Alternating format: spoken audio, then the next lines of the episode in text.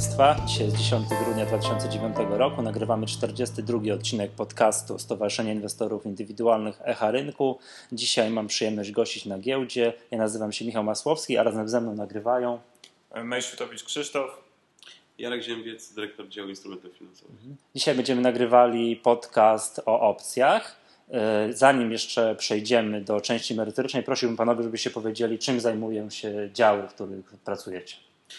Generalnie dział zajmuje się rozwojem instrumentów finansowych. Tak naprawdę do tej pory były to przede wszystkim instrumenty pochodne plus różnego typu produkty strukturyzowane, obligacje strukturyzowane, certyfikaty strukturyzowane. Aktualnie, właściwie tak naprawdę w przyszłym roku będą to również e, fundusze typu ETF, które Właśnie chciałem zapytać, czy ETF-y to, to pan wymyśla w dziale u siebie, tak? E, my, powiedzmy tak. Czy dział ogólnie, tak? tak? Znaczy, powiem tak, fajnie by było, jakby było, jakby było tak, że to giełda wymyśliła ETF-y, tak? My kopiujemy dobre wzorce z rynków zachodnich, bo ETF-y funkcjonują już od wielu lat i chcemy dać polskim inwestorom w końcu możliwość e, inwestowania w to samo, co powiedzmy ich e, francuscy, niemieccy czy hiszpańscy. Na handlu ETF-ami na jakimś zorganizowanym rynku. Mówiąc. Tak, dokładnie. Oczywiście no, to jest początek, tak? Czyli to będzie tak, jak myślę, w 98 roku zaczynaliśmy kontrakty terminowe. Jasne. Mało tak, kto pamięta. I tak jak w 2000, czy ja pamiętam znakomicie, bo to było podczas krachu rosyjskiego i to był wtedy prasa, wypisywała się w końcu można zarabiać na spadkach. Pamiętam jak dzisiaj tytuły, tak, tytuły teraz myślę będą tytuły w końcu można sobie kupić w jednej transakcji WIG20 i nie jest to instrument pochodny. A, nie jestem wtedy, no to ciekawe. Dobrze, ale oczywiście będziemy rozmawiali o opcjach, które, jeżeli dobrze pamiętam, proszę mnie wyprostować, w 2003 roku startowały, Tak jest, tak? wrzesień, wrzesień 2003. Dob- Dobrze pamiętam. Dobrze, i jeszcze zanim y, przejdziemy tutaj do tematu zasadniczego, ja będę panów to odpytywał, tak? czym są te opcje, jak one działają i co można dzięki temu zyskać lub też stracić, to powiedzmy sobie, że y, taką rzecz, że mamy konkurs dla, dla naszych słuchaczy. Tutaj y, Giełda Papierów Wartościowych z okazji nadchodzących Świąt Bożego Narodzenia ufundowała dla naszych słuchaczy trzy iPody. I o tych iPodach będziemy mówili jeszcze troszkę pod koniec. Ogłosimy konkurs, także proszę nas uważnie słuchać. Także mam nadzieję, że konkurs będzie ciekawy, pozwoli nam Państwu się czegoś dowiedzieć. To ogłoszenie konkursu po, pod sam koniec. Teraz przejdźmy może do tej części zasadniczej. Panowie, tak jak tutaj już wspomnieliśmy, mamy na giełdzie notowane opcje. Może powiedzmy słuchaczom, no czym jest opcja na, na WIG20, tak, bo takie mamy notowane. E, Znaczy, przede wszystkim trzeba pamiętać, że opcja e, jakby nie jest takim typowym papierem emisyjnym, tak jak w przypadku akcji. Znaczy tutaj nie ma emitenta określonej e, wielkości emisji. E, Opcja, tak jak inne instrumenty pochodne, mają charakter kontraktu, czyli to jest umowa między dwoma uczestnikami rynku, między dwoma inwestorami. Także tutaj, jeżeli ktoś chce handlować opcjami, to przede wszystkim, musi wiedzieć, co wiąże się z, jakby z zajęciem odpowiedniej pozycji. Musi wiedzieć o tym, że zajmując pozycję w kontrakcie opcyjnym w pewien sposób podpisuje umowę opcyjną. Dlatego ważne jest, żeby zrozumieć, co wynika z tej umowy. Właśnie w chwili obecnej mamy opcję na WIG20. E, mieliśmy notowane opcje na akcje, natomiast z pewnych przyczyn musieliśmy, ze względu na płynność i brak animatora, musieliśmy zawiesić To handel właśnie opcjami. niewygodne pytanie. Czemu zostały wycofane opcje na, na, na akcje? Tak nie było płynności na tym, prawda? Znaczy, dwa, dwa główne powody. Tak naprawdę, a, proszę pamiętać, że my jesteśmy cały czas rynkiem, na którym e, praktycznie nie funkcjonuje krótka sprzedaż. A krótka sprzedaż dla instrumentów pochodnych wszystkich, szczególnie tych e, bazujących na pojedyncze papiery, jest najważniejsza. Tak? Mam nadzieję, że to się zmieni na początku przyszłego roku i mamy plany takie, żeby wrócić do notowania opcji na akcje. Tak? Aha, Druga rzecz. już wiem, bo to dlatego, że te opcje mogą w jakichś tam konstrukcjach służyć do jakiegoś zabezpieczania, Tak, czy jakimś jest to- hedgingu, jest tak? Krótka sprzedaż jest jakby naturalnym sposobem zabezpieczania pozycji e, dla animatora. Animatora, Tak? Bez krótkiej sprzedaży e, to tak samo jak na kontraktach terminowych na akcje. Dużo trudniej zabezpieczać otwarte pozycje, które zajmuje animator. Tak? To jest Może jakby, jedno wyjaśnienie, bo może dziwić, dlaczego w takim razie mamy notowane opcje na WIG20, animator, który sprawnie działa. Animator e, zabezpiecza swoje pozycje kontraktem na WIG20, który jest instrumentem bardzo płynnym i to bardzo Aha, i z tym sprawnie i tam nie ma problemu. Jasne, Tak jest. Natomiast rozumiem. przy opcjach na akcje, zabezpieczanie się kontraktem na akcje, które nie mają takiej płynności jak kontrakty na WIG20, Nie jest efektywne. dokładnie. Mhm, Dlatego, tak jak na innych rynkach, musi być u nas krótka sprzedaż, żebyśmy mogli notować opcje Mhm. na akcje. Dobra, przejdźmy do przykładu najprostszego. Co musi zrobić inwestor i z czym się to dla niego wiąże, jeżeli chce kupić opcję kupna na WIG20 tam, nie wiem, z ceną wykonania 2400? No, trzeba mieć rachunek w biurze maklerskim, podstawowa sprawa. również trzeba pamiętać o tym, że nabywający opcję płaci premię opcyjną, więc trzeba mieć odpowiednią kwotę środków na koncie. Premia opcyjna to jest takie dumne słowo na cenę, ile on musi zapłacić, prawda? Dokładnie. Premia opcyjna to jest cena y, rynkowa opcji. Opcje są wyceniane przez rynek. Także tu jest strona techniczna, wycena opcji jest identyczna jak przy innych instrumentach arku zleceń, popyt i podaż. Także że mhm. przede wszystkim trzeba wiedzieć o tym, że to nie jest sztywna cena przez, liczona przez jakąś instytucję, to jest wartość rynkowa. Także mamy wpływ na, na to, po jakiej cenie kupujemy. W zleceniu wstukujemy cenę, po której chcemy opcję kupić, to trzeba wiedzieć. Mhm. Ważne jest to, żeby ten, kto kupuje, zdawał sobie sprawę, że cena, którą ma w arkuszu, to jest cena wyrażona w punktach. Tak, dokładnie. A indeksowych. Czyli jeżeli cena wynosi na przykład 100 punktów, to tak naprawdę mhm. on musi zapłacić 100 punktów razy 10 zł, czyli 1000 zł. Jeżeli cena jest 5 punktów, 5 punktów razy 10 zł to jest 50 zł. Jasne. Czyli tyle trzeba mieć pieniędzy, plus oczywiście prowizja w biurze maklerskim, żeby opcję tak. kupić. Jasne, i tutaj nie ma żadnych depozytów, prawda? Tu jest dokładnie tyle, ile on płaci, tak. to jest jego ta premia, ta cena i to jest, nie wiem, może też inaczej powiedzieć, maksymalna strata, ile tak, może tak, nic tak. on więcej do tego interesu nie dołoży, nie. mówiąc już, ten, mimo kto, tego, że to jest pochodny, tak? Ten, kto kupuje, po pierwsze płaci cenę, czyli inaczej mówiąc premię, mhm. Po drugie, więcej nie może stracić. Po trzecie, nie wnosi nigdy żadnych depozytów zabezpieczających. Nieważne, czy kupuje opcję kupna, czy kupuje opcję sprzedaży. Trzeba mhm. pamiętać, że jakby kupując opcję, inwestor jest e, uprawniony do tego, aby w przyszłości otrzymać tak zwaną kwotę rozliczenia. Z racji tego, że jest uprawniony, nie zobowiązany do, do, do do jakiejś czynności. Tutaj jakby, dlatego nie ma tego depozytu zabezpieczającego. Tak, tutaj jak na wykładzie profesora Jajugi można powtórzyć, prawda, że, to, że jedna strona ma tu prawo, a ta druga ma obowiązek. I to prawda? jest jedna z najważniejszych różnic między opcjami a kontraktami, bo w kontraktach zawsze jakby obydwie strony są symetryczne zobowiązania. Dokładnie, mają. wnoszą depozyty i tak dalej. W opcjach jest zupełnie inaczej. Mhm. Jasne, dobra, czy tak, wróćmy do tego przykładu. Kupuję po 2400, tak, czyli y, tam będzie cena, za, no jaka będzie, to jest nieistotne, bo to punktów, no nie wiadomo, bo to zależy od bieżącego kursu, okay. tak, i kończy się, powiedzmy 100 punktów, że płaci tak. 1000 zł tak. i powiedzmy sobie cena na wygaśnięciu tej opcji, załóżmy jakieś tam, nie marcowa, wynosi 2700. Co się dzieje, z, y, znaczy nie cena, tylko wartość indeksu wynosi 2700. Jakie y, są przepływy finansowe dla tego inwestora? Znaczy w, w terminie wygaśnięcia taka opcja, jak widzimy, wygaśnie w cenie, znaczy indeks jest powyżej kursu wykonania opcji. To oznacza, że inwestor otrzyma kwotę rozliczenia jako różnicę między wartością indeksu z terminu wygaśnięcia, a, kursem wykonania. Mhm. Czyli to będzie tak, 2700 minus 2400, tak czyli 300. 300 punktów. Oczywiście wyrażamy to w złotych mnożąc przez mnożnik 10 zł, czyli mamy 3000 zł. 3000 zł, zakładając, że zapłacił 1000 zł za Czyli opcję. zarobił 2000 zł. Znaczy Jasne, dobrze. A jeżeli indeks pójdzie, no nie wiem, w dół na przykład? Jeżeli pójdzie w dół, opcja wygaśnie bez wartości, inwestor, opcja, wy, opcja, opcja wygasa bez wykonania, mhm. inwestor traci zainwestowane pieniądze, czyli owe 1000 zł. Mhm. I to prawo wtedy wówczas yy, nie, nie, jest jakby wykonywane, jest prawda? Wykonywane, jest tak. bezwartościowe. Mhm. Jasne. I tak samo y, inwestor może zagrać na spadki, prawda? Kupić taką samą opcję po jakiejś tam cenie, tak? To tak jak tam wynika z arkusza zleceń, tak licząc również na spadki, tak? Wtedy mamy do czynienia z opcją sprzedaży. Tak jest, według tej samej zasady. Jeżeli w terminie wygaśnięcia indeks będzie, kształtuje się tym razem poniżej kursu wykonania, bo gramy na spadek, mhm. to wtedy zarabiamy właśnie ową różnicę między indeksem, między kursem wykonania tym razem a indeksem. Jasne, dobra, to, to, jest, to, to jest dla mnie jasne. Tak, teraz tak, e, z punktu widzenia jakby kupującego, czyli mówiąc tak zwaną długą pozycję, to to ja rozumiem, on płaci jakąś cenę, jest to jego maksymalna strata, natomiast powiedzcie mi panowie, jak to jest e, z punktu widzenia tej drugiej strony, jakiegoś nie, wystawcy opcji? Znaczy, e, Przede wszystkim wystawca opcji, tak jak mówiliśmy, jest zobowiązany do rozliczenia w terminie wygaśnięcia. Tą kwotę rozliczenia, którą dostaje nabywca, ona idzie z portfela y, wystawcy opcji. Hmm, to jest to pierwsza znaczy? sprawa. Znaczy, może zacznijmy od początku. tak, pan opcję chce kupić. Chce kupić. Ja tą opcję wystawiam, tak? Tak jest. Zawieramy transakcję, pan płaci premię 1000 zł, mhm. tak? Ja wystawiając opcję muszę wnieść depozyt zabezpieczający. No właśnie, ile część tego depozytu? Tego, część tego depozytu mhm. idzie z pana premii, tak? Ja tej premii nie dostaję do kieszeni, tylko cała ta premia zostaje zaliczona na poczet mojego depozytu. Mhm. Znaczy, tu ważne jest wiedzieć, że ta premia opcyjna, którą płaci nabywca, ona idzie na konto wystawcy. Taki jest, tak, taki jest sens no, tej to jest, takie, to jest tam jasne, że jedna, jedna strona płaci drugiej. Jedna, tak? Za to, że... jedna, jedna strona płaci drugiej i teraz pytanie, za co płaci?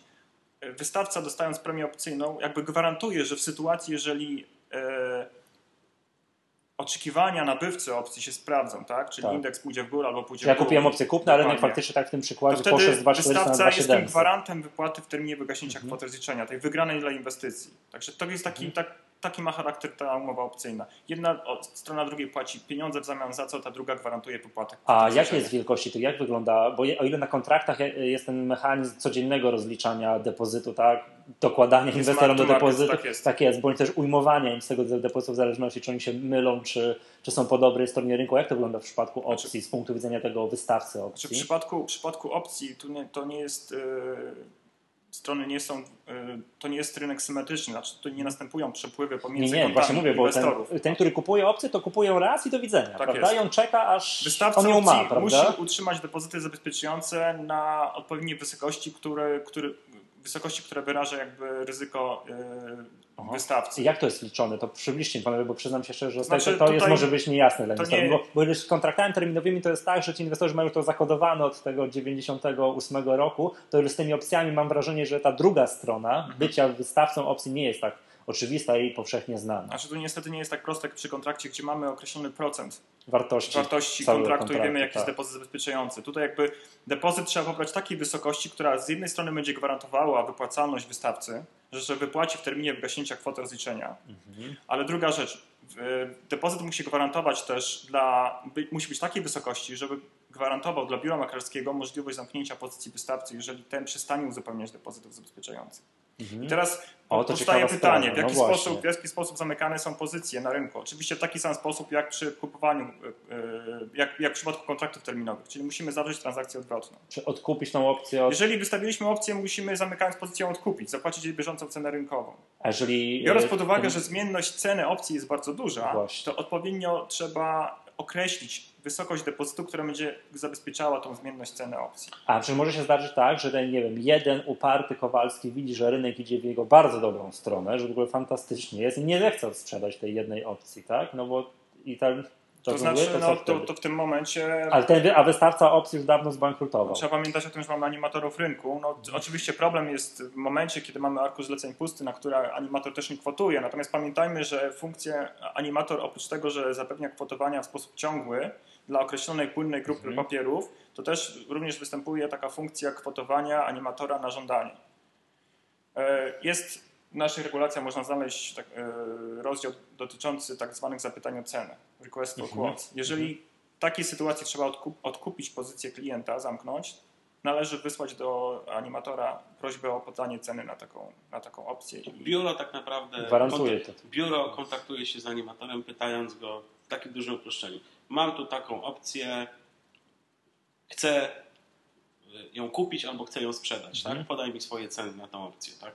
No dobra. animator podaje takie ceny. Ale chodzi mi o tego, ale dobra, ale może się zdarzyć, że ten jeden Kowalski gdzieś tam przytrzyma sobie jedną opcję, bo on uważa, że jest Znaczy, o i nie sprzeda jej do samego końca. nie, nie, tu, tu nie patrzymy na, na, na Kowalskiego, dlatego że zamknięcie pozycji wystawcy to jest odkupienie opcji, czyli zrobienie drugiej transakcji. Mhm. To będzie W efekcie drugiej transakcji zobowiązania wystawcy, który jest nie, niewypłacalny, przechodzą na kolejnego wystawcę. Aha, W tej rozumiem. transakcji I to będzie zamykającej. animator wtedy? Może to Animator, być inny inwestor, to Może to być inwestor krajowy, indywidualny, może być to inwestor zagraniczny. Każdy ten, inny Ten, inwestor. kto zawrze transakcję, tak? Aha, rozumiem. Już wiem o co chodzi. Czyli jakby y, zobowiązania wystawcy, tego, który tak, Tak był typowo gwarantem, a który był uprzejmy próbować bankrutować, tak? To jego zobowiązania przychodzą na Tak pewno na. No oczywiście po jakiejś tam cenie. Poza tak? tym Tak jest jest jeszcze jedna rzecz. Jest oczywiście fundusz gwarantujący w Izbie Rozliczeniowej i nawet jakby powiedzmy mityczny Kowalski, czy, czy Malinowski, czy ktokolwiek inny nie wywiązał się do swojego zobowiązania, nie ma problemu, tak? Mhm. Wywiąże się albo poprzez pokrycie tych pieniędzy z jego depozytu, albo w najgorszej sytuacji, która się do tej pory jeszcze nigdy nie zdarzyła na rynku polskim, że będziemy pokrywali to z funduszu zabezpieczającego, tak? Dobrze, a to zadam takie pytanie z ciekawości. Jak, to, jak wyglądają statystyki? Kto jest aktualnie wystawcą? Kto wy, mm, no jak to procentowo wygląda? Kto wystawia te opcje, które są aktualnie notowane? Po stronie, po stronie podażowej oczywiście na większym stopniu są animatorzy rynku. Ale to też nie jest tak, że animator jest w każdej transakcji. Tak jest. Mhm. Jest, e, tak jak można sobie popatrzeć na nasze statystyki, które robimy co pół roku, tak? 10% to są inwestorzy zagraniczni, tak? Mhm. Ileś tam procent to jest animator, 20, około 30, trochę nawet więcej.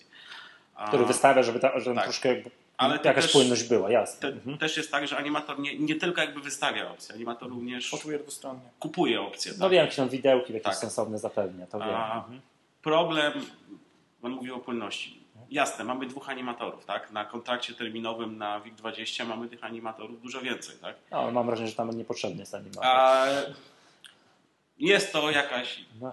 dobra. jakaś teoria. Natomiast Aha. problem polega na tym, że jakby ja zawsze to pytanie odwracam. Które z polskich biur maklerskich jest gotowe do tego, żeby podjąć taki biznes? Tak? Aha, ale nie, ale chodzi mi tak, czy, y, do, dokończę pytanie może, czy dużo jest inwestorów indywidualnych, którzy, którzy wy, są wystawcami opcji? Są również inwestorzy, którzy wystawiają opcje. Jak najbardziej, tak? Tak. Zdarza się to Tak. Znaczy, trzeba pamiętać o tym, że jakby han- handel opcjami głównie powinien, powinien iść w kierunku handlowania strategiami. Już takimi Przy- złożeniami. Tak jest. Przy strategiach tak, mhm. jednak musi być również e, czasami potrzeba wystawienia opcji. I w Mhm. takich właśnie strategiach inwestor jest po stronie podażowej. Jasne. A mam takie pytanie, bo nie wiem, czy panowie to wynika z waszych statystyk, czy możecie to od strony giełdy, tam od tej drugiej strony sprawdzić, czy dużo jest inwestorów, którzy zawierają strategie opcyjne, y, no nie, tak nie tylko, że kupują opcje kupne i tam do widzenia, czekają aż wygaśnie, tylko sobie temu- robią jakieś Mhm. złożenia, prawda, tam z dwóch powiedzmy albo trzech opcji. Jakiś czas temu robiliśmy takie badanie, e, rok temu czy półtora roku temu. Okazało się, że jednak póki co inwestorzy kupują opcje kupna, kupują opcje sprzedaży, grają w ten najprostszy sposób. Były jakieś próby najprostszych strategii. No, miejmy Mhm. nadzieję, że to jednak się odwróci, bo zdecydowanie wydaje Znaczy, się, że na, na świecie, wszędzie na świecie handluje się opcjami, handlując strategiami. Strategiami. Tak? Także Jest to- składa się różne Daje to ciekawe kształty. więcej możliwości, w niektórych sytuacjach jest to bardziej bezpieczne, w niektórych sytuacjach może dawać większą stopę zwrotu i tak dalej. I tak Albo dalej. pozwala zamykać połowę strategii. Dokładnie. To jest To, to, mhm. ale to, to też jakby jest specyfika opcji, tak? Czyli można tak bardzo trywialnie powiedzieć, opcje są trudniejsze, ale dają więcej możliwości, tak? Mhm. To Jasne. jest, powiedzmy tak, z punktu widzenia pochodnych giełdowych, formuła pierwsza, tak? Mhm, Rozumiem. Dobrze, a mam takie pytanie jeszcze o tego animatora, jak on tam wystawia te opcje, to tak jak, a ten kupujący inwestor chce kupić, to tam jakieś, jakieś ceny jest, czy jak czy animator, który wystawia opcję, to jak on, nie wiem, technicznie, jak on robi, na przykład, wie, że ta opcja będzie tam 200 punktów, czyli tam 2000 zł, czy to jest, jak nie wiem, czy tu jest Black Scholes gdzieś tam zaszyty pod spodem, że animatorzy mają do tego dostęp? animatorzy u nas e, wyceniają opcje z tego, co wiemy, według modelu Blacka Scholza. Oczywiście Mhm. to, w jakim modelu wycenia animator, to już jest jego e, Prywatna jego sprawa, Prywatna tak? sprawa, oczywiście. A tak powiem ciekawie właśnie, jak to się Natomiast, odbywa, bo natomiast to... z tego, co wiemy, to wyceniane są opcje według Blacka Scholza. Natomiast technicznie, jak to jest kwotowane, animatorzy stosują ap- aplikacje, automaty do kwotowania. Aha. Także to nie jest tak, że człowiek każdą z tych serii przeklepuje. Nie, nie, no wiadomo, że on tam Jest siedzi, aha, automat. zmienność, tak, wklepuje, czas do wygaśnięcia, dobrze i ze wzoru mu wyszło, dolicza premię i i wystawia. Domyślam się, że to jest automat. Chodziło mi to, że to jest, to jest zaszy- zaszyte w tym w automacie, Tak prawda? naprawdę najważniejszą rzeczą, jeżeli chodzi o takie bieżące kwotowanie opcji ze strony animatora, to jest zmienność. To jest jakby to clue handlu opcjami. No, jak on zakłada, czy to jest tam zmienność dzienna, miesięczna i E, tak dalej, to jest pytanie o już tam szczegóły, szczegóły wyceny, Plus prawda? tak naprawdę mówi się, że handel opcjami to jest handel zmiennością, tak? Szczególnie z punktu widzenia animatora, który ma dawać podaż na ten rynek, tak? I tutaj są jakby takie dwie rzeczy, które znowuż trochę jakby mogą wprowadzać zamieszania. Jest zmienność A to taka przepraszam, to może właśnie historyczna, To właśnie może sekundkę, to może właśnie jakby tu skonkretyzujmy, bo właśnie jakby inwestor miał zapytać, od czego zależy cena opcji, to na pewno zależy od kursu WIG20. Od czego jeszcze zależy cena e, opcji? tak naprawdę przede wszystkim od zmienności ceny na rynku. Szczególnie, większa- szczególnie jak jest daleko do wygaśnięcia. Tak, im większa zmienność, tym większa cena opcji. Mhm. Im mniejsza zmienność cen, tym mniejsza cena opcji. Tak? To zmniejsza się ta niepewność. To, Tak. ta, już pomijając w ogóle wątek, jakby jak to się liczy ze wzoru, to tak, to jest naturalne, Mhm. prawda? Że im te ceny WIG-20 się bardziej wahają, tym tak naprawdę nie wiemy, co się, co się stanie w przyszłości. I z tego, co ja pamiętam jeszcze ze studiów, to było dawno temu, to czas jest jeszcze do wygaśnięcia bardzo Eee, duży, tak. ma wpływ na, na opcję. Tak, na generalnie cenę można powiedzieć tak, że e, pomijając wszystkie inne czynniki, zawsze czas działa negatywnie na cenę opcji, bo zjada jej wartość. Czyli im bliżej do wygaśnięcia, tym wartość, czyli cena opcji szybciej spada. Tak zwana wartość czasowa opcji tam Tak, jest, jest, tak, jest coraz mniejsza. Także, mhm. Tak, dokładnie. I to i, i znowuż jest tak, że jakby to może powodować taki pewien przestrach. No, tyle skomplikowanych rzeczy trzeba poznać, żeby handlować opcjami, tak? Ale my Mhm. zawsze mówimy, że e, Okej, ale za to jakie korzyści dają opcje, tak? Tak naprawdę dają możliwość zarabiania w każdej sytuacji na rynku. Jak spada, jak rośnie i co ważne, jak mamy, jak to się ładnie mówi, taki płaski rynek, tak? I jak spada, i jak rośnie, albo jest małe zmiany. Nie wiem, to Tak opcje też, to, to wiem, to służymy te złożenia z opcji nie pozwalają tak naprawdę na wszystko. Dobra, to za sekundkę jeszcze będziemy się zastanawiali, y, co zrobić, żeby uzdrowić polski rynek opcji. Ja jeszcze mam takie pytanie o technikalia. Powiedzcie mi tak, y, ile jest notowana dana seria opcji? E, 12 miesięcy. Czy, i.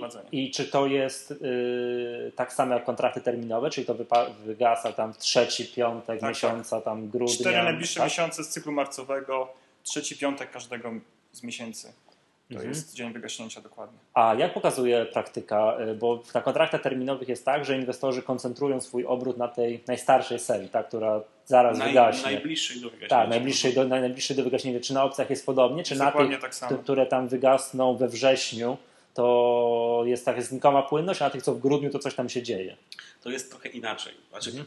Rzeczywiście wszyscy handlują najkrótszym terminem, ale nawet, e, ponieważ tak, w przypadku nawet najkrótszego z terminu jest wiele serii opcji kwotowanych. To wiem, tak? no, Czyli tak pytać. naprawdę mamy e, obrót na najkrótszej serii koncentruje się na pewnych seriach Mhm. z pewnymi cenami, tak? a, nie, a inne serie są mało płynne. No. Czyli można powiedzieć tak, że niektóre serie wygasające na przykład teraz w grudniu mają taką samą niską płynność jak serie wygasające za kilka miesięcy. Pozwolę sobie strzelić. To jakieś tam powiedzmy opcje, które są daleko out of money. Takie, że które nie mają szans się zrealizować. A Tak? Mam rację? Czy...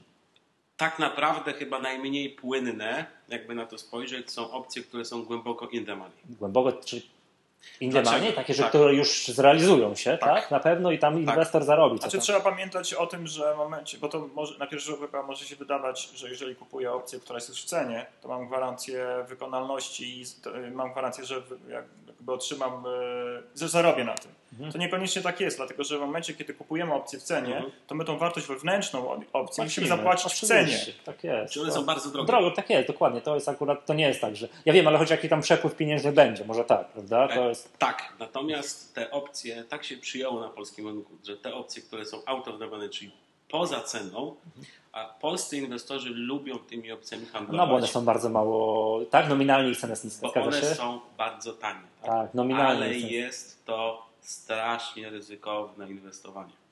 No wiem, wiadomo, bo to raczej ich przepływ, spodziewany przepływ to raczej będzie zero. Że tak naprawdę tam nie ma wewnętrznej wartości opcji, tam, tam jest tylko jakaś tam wartość Tak. czasowa, W związku prawda? z tym, powiedzmy, jedna z takich nie wiem, szkolnych zasad inwestowania w opcje mówi o tym, że nie zawsze należy kupować te opcje, które są tanie, bo one są bez wartości. To tak jak z akcjami, nie zawsze warto kupować akcje, które są tanie, bo to nie przez przypadek akcjonariusze uznali, że one są tanie. Dokładnie. Także to, to, to wiadomo, różne szkoły są. A Ale dobra, inwestorzy to- lubią takie opcje. Nie, no, trzeba ale wiadomo, jak ktoś może wyłożyć y, nie wiem, 20 zł, żeby kupić opcję, a nie 2000, to ja znakomicie rozumiem. To dlaczego ludzie grają w totolotka, mimo że to jest bez sensu, prawda? Znaczy to, Bo- to niekoniecznie, niekoniecznie wynika tylko i wyłącznie z ceny, dlaczego inwestorzy kupują tanie opcje. Yy, Przy tanich opcjach proszę zauważyć, że jest bardzo duża zmienność ceny tej opcji. Czyli Mhm. jeżeli byśmy kupili na jakiś stosunkowo krótki termin, czyli ab- abstrahując od tego wpływu negatywnego czynnika czasu, jeżeli kupilibyśmy tanią i drogą opcję, rynek poszedłby w oczekiwanym przez nas kierunku, to by- byśmy więcej zarobi- zarobili na tej tańszej opcji, bo ona ma większą zmienność ceny. Jasne, to, to, I tak, to- to To, jest powód, to że przyciąga Także inwestorów. pierwsza rzecz to jest pewnie cena, natomiast druga sprawa to też ta zmienność ceny. Mhm, rozumiem. A dobrze, a to jeszcze podyskujemy o tych technikaliach. Teraz y, w trzeci piątek grudnia, nie wiem, którego to będzie dokładnie, wyga 18. 18. Za tak? półtora tygodnia. Tak, za półtora tygodnia wygaś, razem z kontraktami wygasną serie grudniowe i zostaną wpuszczone w obieg, tak? y, Znowu grudniowe, tak? Tak jest. Tam Grudzień przyszłego roku. grudzień przyszłego roku. Ile serii opcji jest wystawianych, że inwestorzy tam, znaczy animatorzy kwotują, inwestorzy tam próbują Na kupować? początku I jest- jak to, jak to wygląda? Na początku jest wprowadzanych 9 serii opcji kupna i 9 serii opcji sprzedaży. To już wiem, dlaczego to jest tak mało popularne. Nie, to jest strasznie, znaczy nie, no.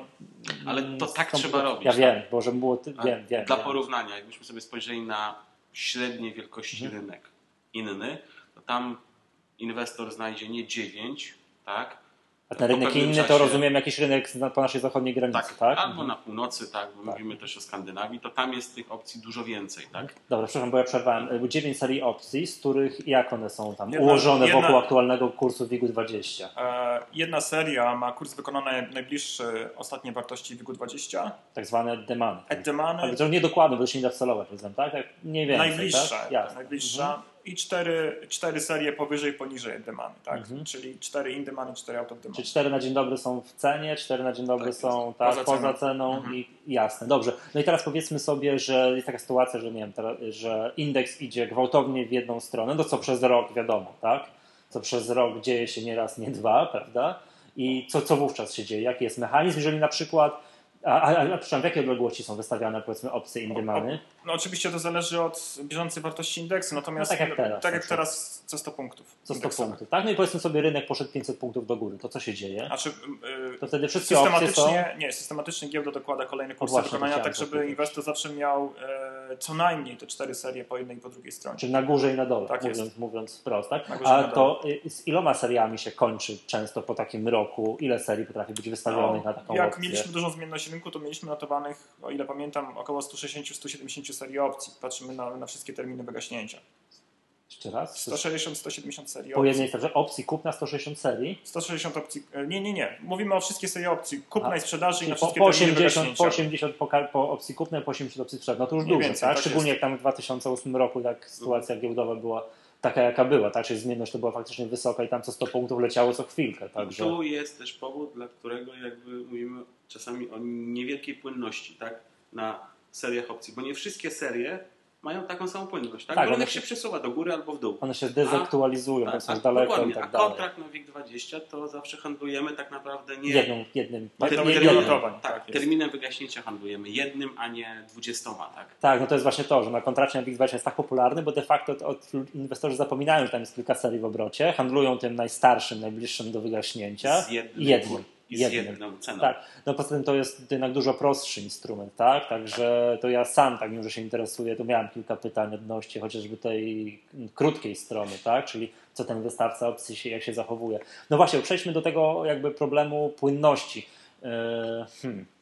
No właśnie, co, co według Panów trzeba, co się musi stać na polskim rynku, żeby ta płynność na tych opcjach była odrobinę większa. Sobie wczoraj zajrzałem do takiego arkusza, jak wygląda mniej ta płynność opcji, przyznam się, że zachwycony nie byłem.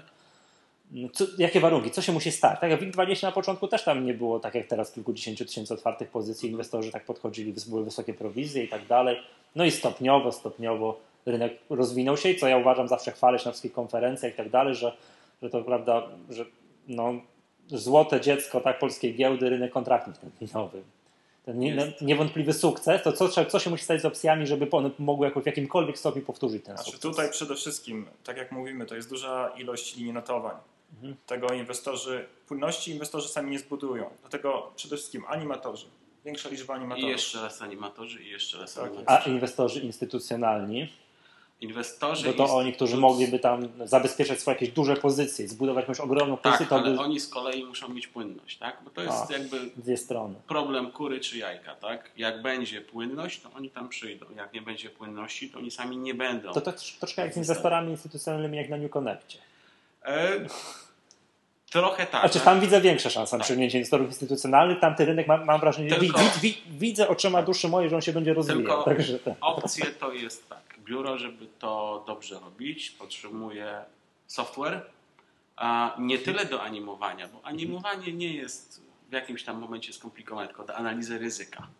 Tak, bo musimy brać pod uwagę nie, port, nie ryzyko wynikające z jednej opcji, ale z setek wystawionych opcji z różnymi terminami No właśnie, tak. różnymi kursami po i tak 80 dalej. w Tak? każdą stronę, no to już jest dużo. Plus muszą być fachowcy, tak? E, Ja czasami tak dosyć żartobliwie mówię, że animatorzy opcji w, w Brebanku i w PKO BP to są ludzie warci tyle złota, ile ważą, tak? Bo to jest dwóch albo trzech takich ludzi na tym rynku. No ja domyślam się, no to ja I- jak muszą Nie- wiedzieć, nie powinni- czuć ten rynek, tak. że jak ta zmienność, To oni też. muszą mieć tego Blacka Scholza w głowie, jak Tak, im się to tak. przekłada. Nie także- mogą chorować, nie powinni iść na urlopy, tego typu rzeczy, tak? I takich ludzi powinno być pięć razy więcej na rynku polskim, sześć razy więcej. Nie dwóch animatorów, a siedmiu, ośmiu. Wtedy mielibyśmy naprawdę płynny rynek, tak? Tego Mhm. typu instrumentów. A to by przyciągnęło inwestorów indywidualnych, a to by E, przyciągnęło inwestorów instytucjonalnych dokładnie. i by się machina zaczęła kręcić. Tak, y, potencjał opcje mają przeogromny w naszej ocenie, ponieważ jak się spojrzy tak naprawdę na skalę obrotu wutami, jak to się popularnie mówi, opcjami na różnych rynkach, to są rynki, Mhm. gdzie wolumeny obrotu opcjami są wielokrotnie wyższe niż Naprawdę? futuresami. Tak. To z polskiego punktu widzenia to brzmi jak science fiction, no A, ale to po, powiem super. tak, wystarczy. Że- to- To jest jakiś tam dla science fiction w jakiejś tam perspektywie, ale ja mówię bardziej science niż, niż fiction. Mhm. Tak? Ja w to, my w to wierzymy, a bardziej prawdopodobne, że będą na tym rynku animatorzy zagraniczni Mhm. niż e, pojawią się kolejni animatorzy polscy. Tak? Co mnie trochę boli. Tak? E, dlaczego? Bo z punktu widzenia e, biznesu to jest tak zwany risk premium. Kto wejdzie w ten rynek, potra- będzie potrafił to robić, to z tym biurem maklerskim inwestorzy będą handlowali, tak? Aha, no rozumiem, że to jasne, tam inwestorzy przyjdą. Znaczy mi się też wydaje, tak jak yy, moja ocena też jest taka, jak się tutaj zaglądałem, oglądałem te opcje, że jakby ten poziom skomplikowania, to o czym już rozmawialiśmy, tak, że na kontraktach terminowych jest jeden instrument i jego konstrukcja jest wyjątkowo prosta w porównaniu z opcjami, a tymczasem jak inwestor ma 80 w pewnym momencie serii, to jest, no ja wiem, że to może być dla niego zbyt Zgadza się. skomplikowane, Tylko prawda? teraz tak, jak się spojrzy w statystyki zagraniczne, przykład, giełda w Montrealu, tak? Struktura obrotu na opcjach, 60% inwestorzy indywidualni, reszta inne grupy inwestorów. To jak tak? u nas na kontraktach. A Brazylia 70% czy 80% inwestorzy indywidualni, tak?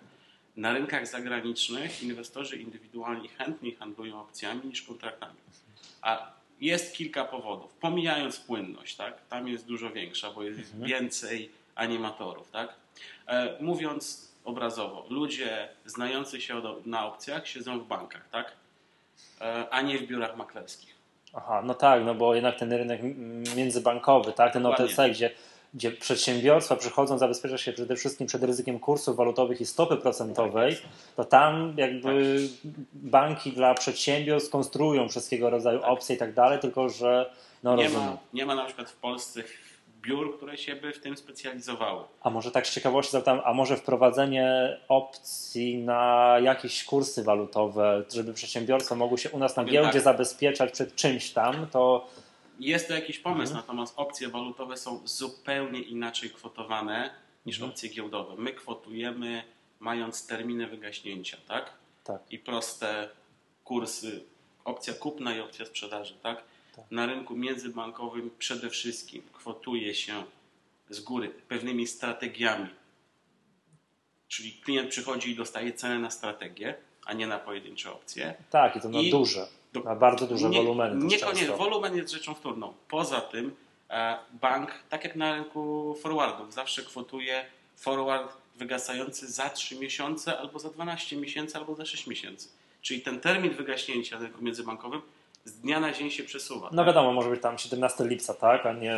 Tak, a tu Jasne. jakby to jest zupełnie inne podejście, że musimy kwotować opcje, które wygasają w konkretnym terminie. No rozumiem, to jest troszeczkę inne, Poza inne tym, podejście. a, a Ale tak naprawdę, y, jeżeli znaleźlibyśmy chętnych animatorów, to No, jakby jesteśmy. Zgadza się, tylko to też jest jakby problem taki, Prowadzić ka- każdą opcję. E, Z drugiej strony zawsze mówię tak, rynków, na których giełdowych, na których handluje się futuresami i opcjami na walutę, na świecie na palcach jednej ręki można powiedzieć. Czy nie masz tak dużo? Nie ma, i to są wielkie rynki, tak? To Tam jest Chicago, Stanach, Stanach, tak? to jest Brazylia, e, to wbrew pozorom jest giełda w Izraelu, gdzie się bardzo mocno handluje, tak? Ale to jest Opcjami na waluty, tak? tak, na to kursy jest- walutowe To jest tam. specyfika Mhm. rynku, tak? Jasne, czyli co, a mi się, yy, co w Polsce te opcje odniosą sukces, tak? To już tylko, że nie, czas jest potrzebny, czy musi jeszcze troszkę, nie wiem, wody w Wiśle upłynąć, Musi upłynąć trochę wody, musi być e, więcej animatorów, więcej, A- a, wiem, wpadłem na ten pomysł, więcej edukacji inwestorów. No, to Bardzo też, tak, to też pomysł. jest ważne, bo tak naprawdę szkolenia z opcji my robimy z dwoma biurami maklerskimi w Polsce. Tak jest. Nie wiem, teraz będziemy robić może z trzecim, tak? Nie wiem, czy to wynika z tego, że biura nie są tym zainteresowane, czy, czy, czy nie ma fachowców. Jesteśmy otwarci na No cóż, mam wrażenie, że giełda po prostu musi nastawić się na troszkę dłuższą pracę u podstaw i sukces przyjdzie. D- Jeden, Aha. ile to jest? 11 rok pracujemy u podstaw przy futuresach na WIG20 i mamy, I jest piękny wynik. jest piękny wynik. Jest piękny, tak? to akurat Popracujemy- futuresy to jest tutaj Popracujemy 11 złot, miesięcy złoty, me- jeszcze 11 11 lat, lat. jeszcze, tak, na że- opcjach. No to jeszcze trochę. je, jeszcze, Jeszcze trochę. jeszcze Ale chwilę. perspektywa jest. Znaczy kontrakty wiadomo, no to, to jest, musiały się szybciej rozwinąć przez tą, przez tą prostotę tego instrumentu, prawda? Także opcje przez tą swoją moim zdaniem skomplikowalność, także one to nie są takie proste, plus jak inwestor otwiera arkusz y, z kontraktami, to ma jedną linijkę, jedna linijka go interesuje, a z opcjami, no tak jak Pan mówił, może być kilkaset wręcz pozycji, no dobra, to, to, to, to ja powinienem tu znaleźć, nie, no nie wiem, o, na kontraktach jest prościej. To Ja ja myślę, to że tutaj duże- trzeba też mm, jakby wsparcie dla inwestora w biurze maklerskim. Dokładnie. Żeby jak biuro maklerskie w jakiś sposób nakierowało inwestora, w jaki pakiet tych opcji zebrać, w jaką strategię, żeby zrealizować to, co on chciałby, Dokładnie. to, co on Czyli zakłada. Także Fachowiec, fachowcy w biurach maklerskich. Dla żartu można powiedzieć tak. Kto jest statystycznym handlarzem opcjami na rynku amerykańskim? Pytanie ze 100 punktów. A to nie jest konkursowe te pody, Nie. jeszcze nie. To nie wiem, E, no. No właśnie. Inwestor indywidualny. Inwestor indywidualny Trafiłem? Tak? płci żeńskiej, O, tak zwane gospodynie domowe. handlują opcjami? Tak jest. Nie mogę w to uwierzyć. No naprawdę. tak wyszło kiedyś z badań w Stanach Zjednoczonych. E, Nie te powiedzmy takie mniej zamożne, tylko średnio zamożne. Mąż do pracy, dzieci w szkole. Co robimy? Handlujemy No opcjami. ma w końcu, ma, ma czas, może tak. zastanowić. aha. To jest może trochę śmieszne, ale Bo tak- ja słyszałem tak taką jest. zupełnie związaną z tematem, tam historyjkę, że regularnie konkurs y, na najlepsze wyniki klubów inwestorskich w Stanach wygrywają gospodynie domowe, bo one inwestują w te produkty, których same używają. Na przykład nie wygrały w okolicach 2000 roku, bo nie załapały się na hostę internetową, no bo jakby nie używały tych produktów, ale już wiem, że teraz znowu odzyskały przodownictwo w tym, y, jakby w tym, w tym, w tym jakimś konkursie. Hmm, No rozumiem, no dobrze. Panu, pięknie Wam dziękuję. To chyba przejdziemy do gwiazdkowego tutaj tematu. Ogłosimy konkurs. Przypomnijmy tutaj, że sponsorem nagród w dzisiejszym podcaście dla Państwa jest Giełda Papierów Wartościowych. Są to trzy iPody Nano. Y, Będziemy je losowali za dwa tygodnie wśród osób, które przyślą prawidłową odpowiedź. Panowie, proszę o pytanie. e, jaki jest e, symbol e, opcji dla e, września, Na opcji kup. dla opcji kupna, Tak? dokładnie. Na opcji kup. Dokładnie, jakie oznaczenie takie literkowe, bo tam te Tak, opcje mają tak. różne lit- literki dla wrześniowej opcji kupna. Kupna. Kup. Tak jest, dobrze. Czyli takie mamy pytanie. Yy, przypominam, mamy dwa tygodnie, to już chyba będzie po świętach. Świętami akurat będzie piękny prezent dla, dla trzech inwestorów. Oczywiście mm, nie ma znaczenia, czy to jest pierwszy, czy ostatni. Będziemy losowali wśród wszystkich, który, którzy przyślą nam prawidłowe ja, odpowiedzi. To ja jeszcze mam propozycję. Coś od siebie chce pan dorzucić? ja jeszcze nie? mam Aha, no. propozycję, żeby na tym iPodzie nagrać podcast o opcjach. Tak, że aha, że tam, no nie, no będzie firmowo zapakowany, więc nie będziemy y, już dogrywali, ale na tym iPodzie można posłuchać kolejnych naszych podcastów. Dokładnie. Także dobrze, pięknie pan, panom dziękuję, było bardzo miło. Mam nadzieję, że będziemy mogli częściej się spotykać, nagrywać jakieś tematy edukacyjne, bo ja widzę teraz, że ta edukacja, jeżeli chodzi o szczególności opcje, jest bardzo potrzebna i mam nadzieję, że inwestorzy tylko na tym skorzystają. My jesteśmy do dyspozycji. Jasne. Dobrze. Dziękuję bardzo. To był 42 odcinek podcastu Echa Rynku i nazywam się Michał Masłowski. Dzisiaj razem ze mną nagrywali. Krzysztof Majszutowicz, Jarek Lipiec. Do usłyszenia za tydzień.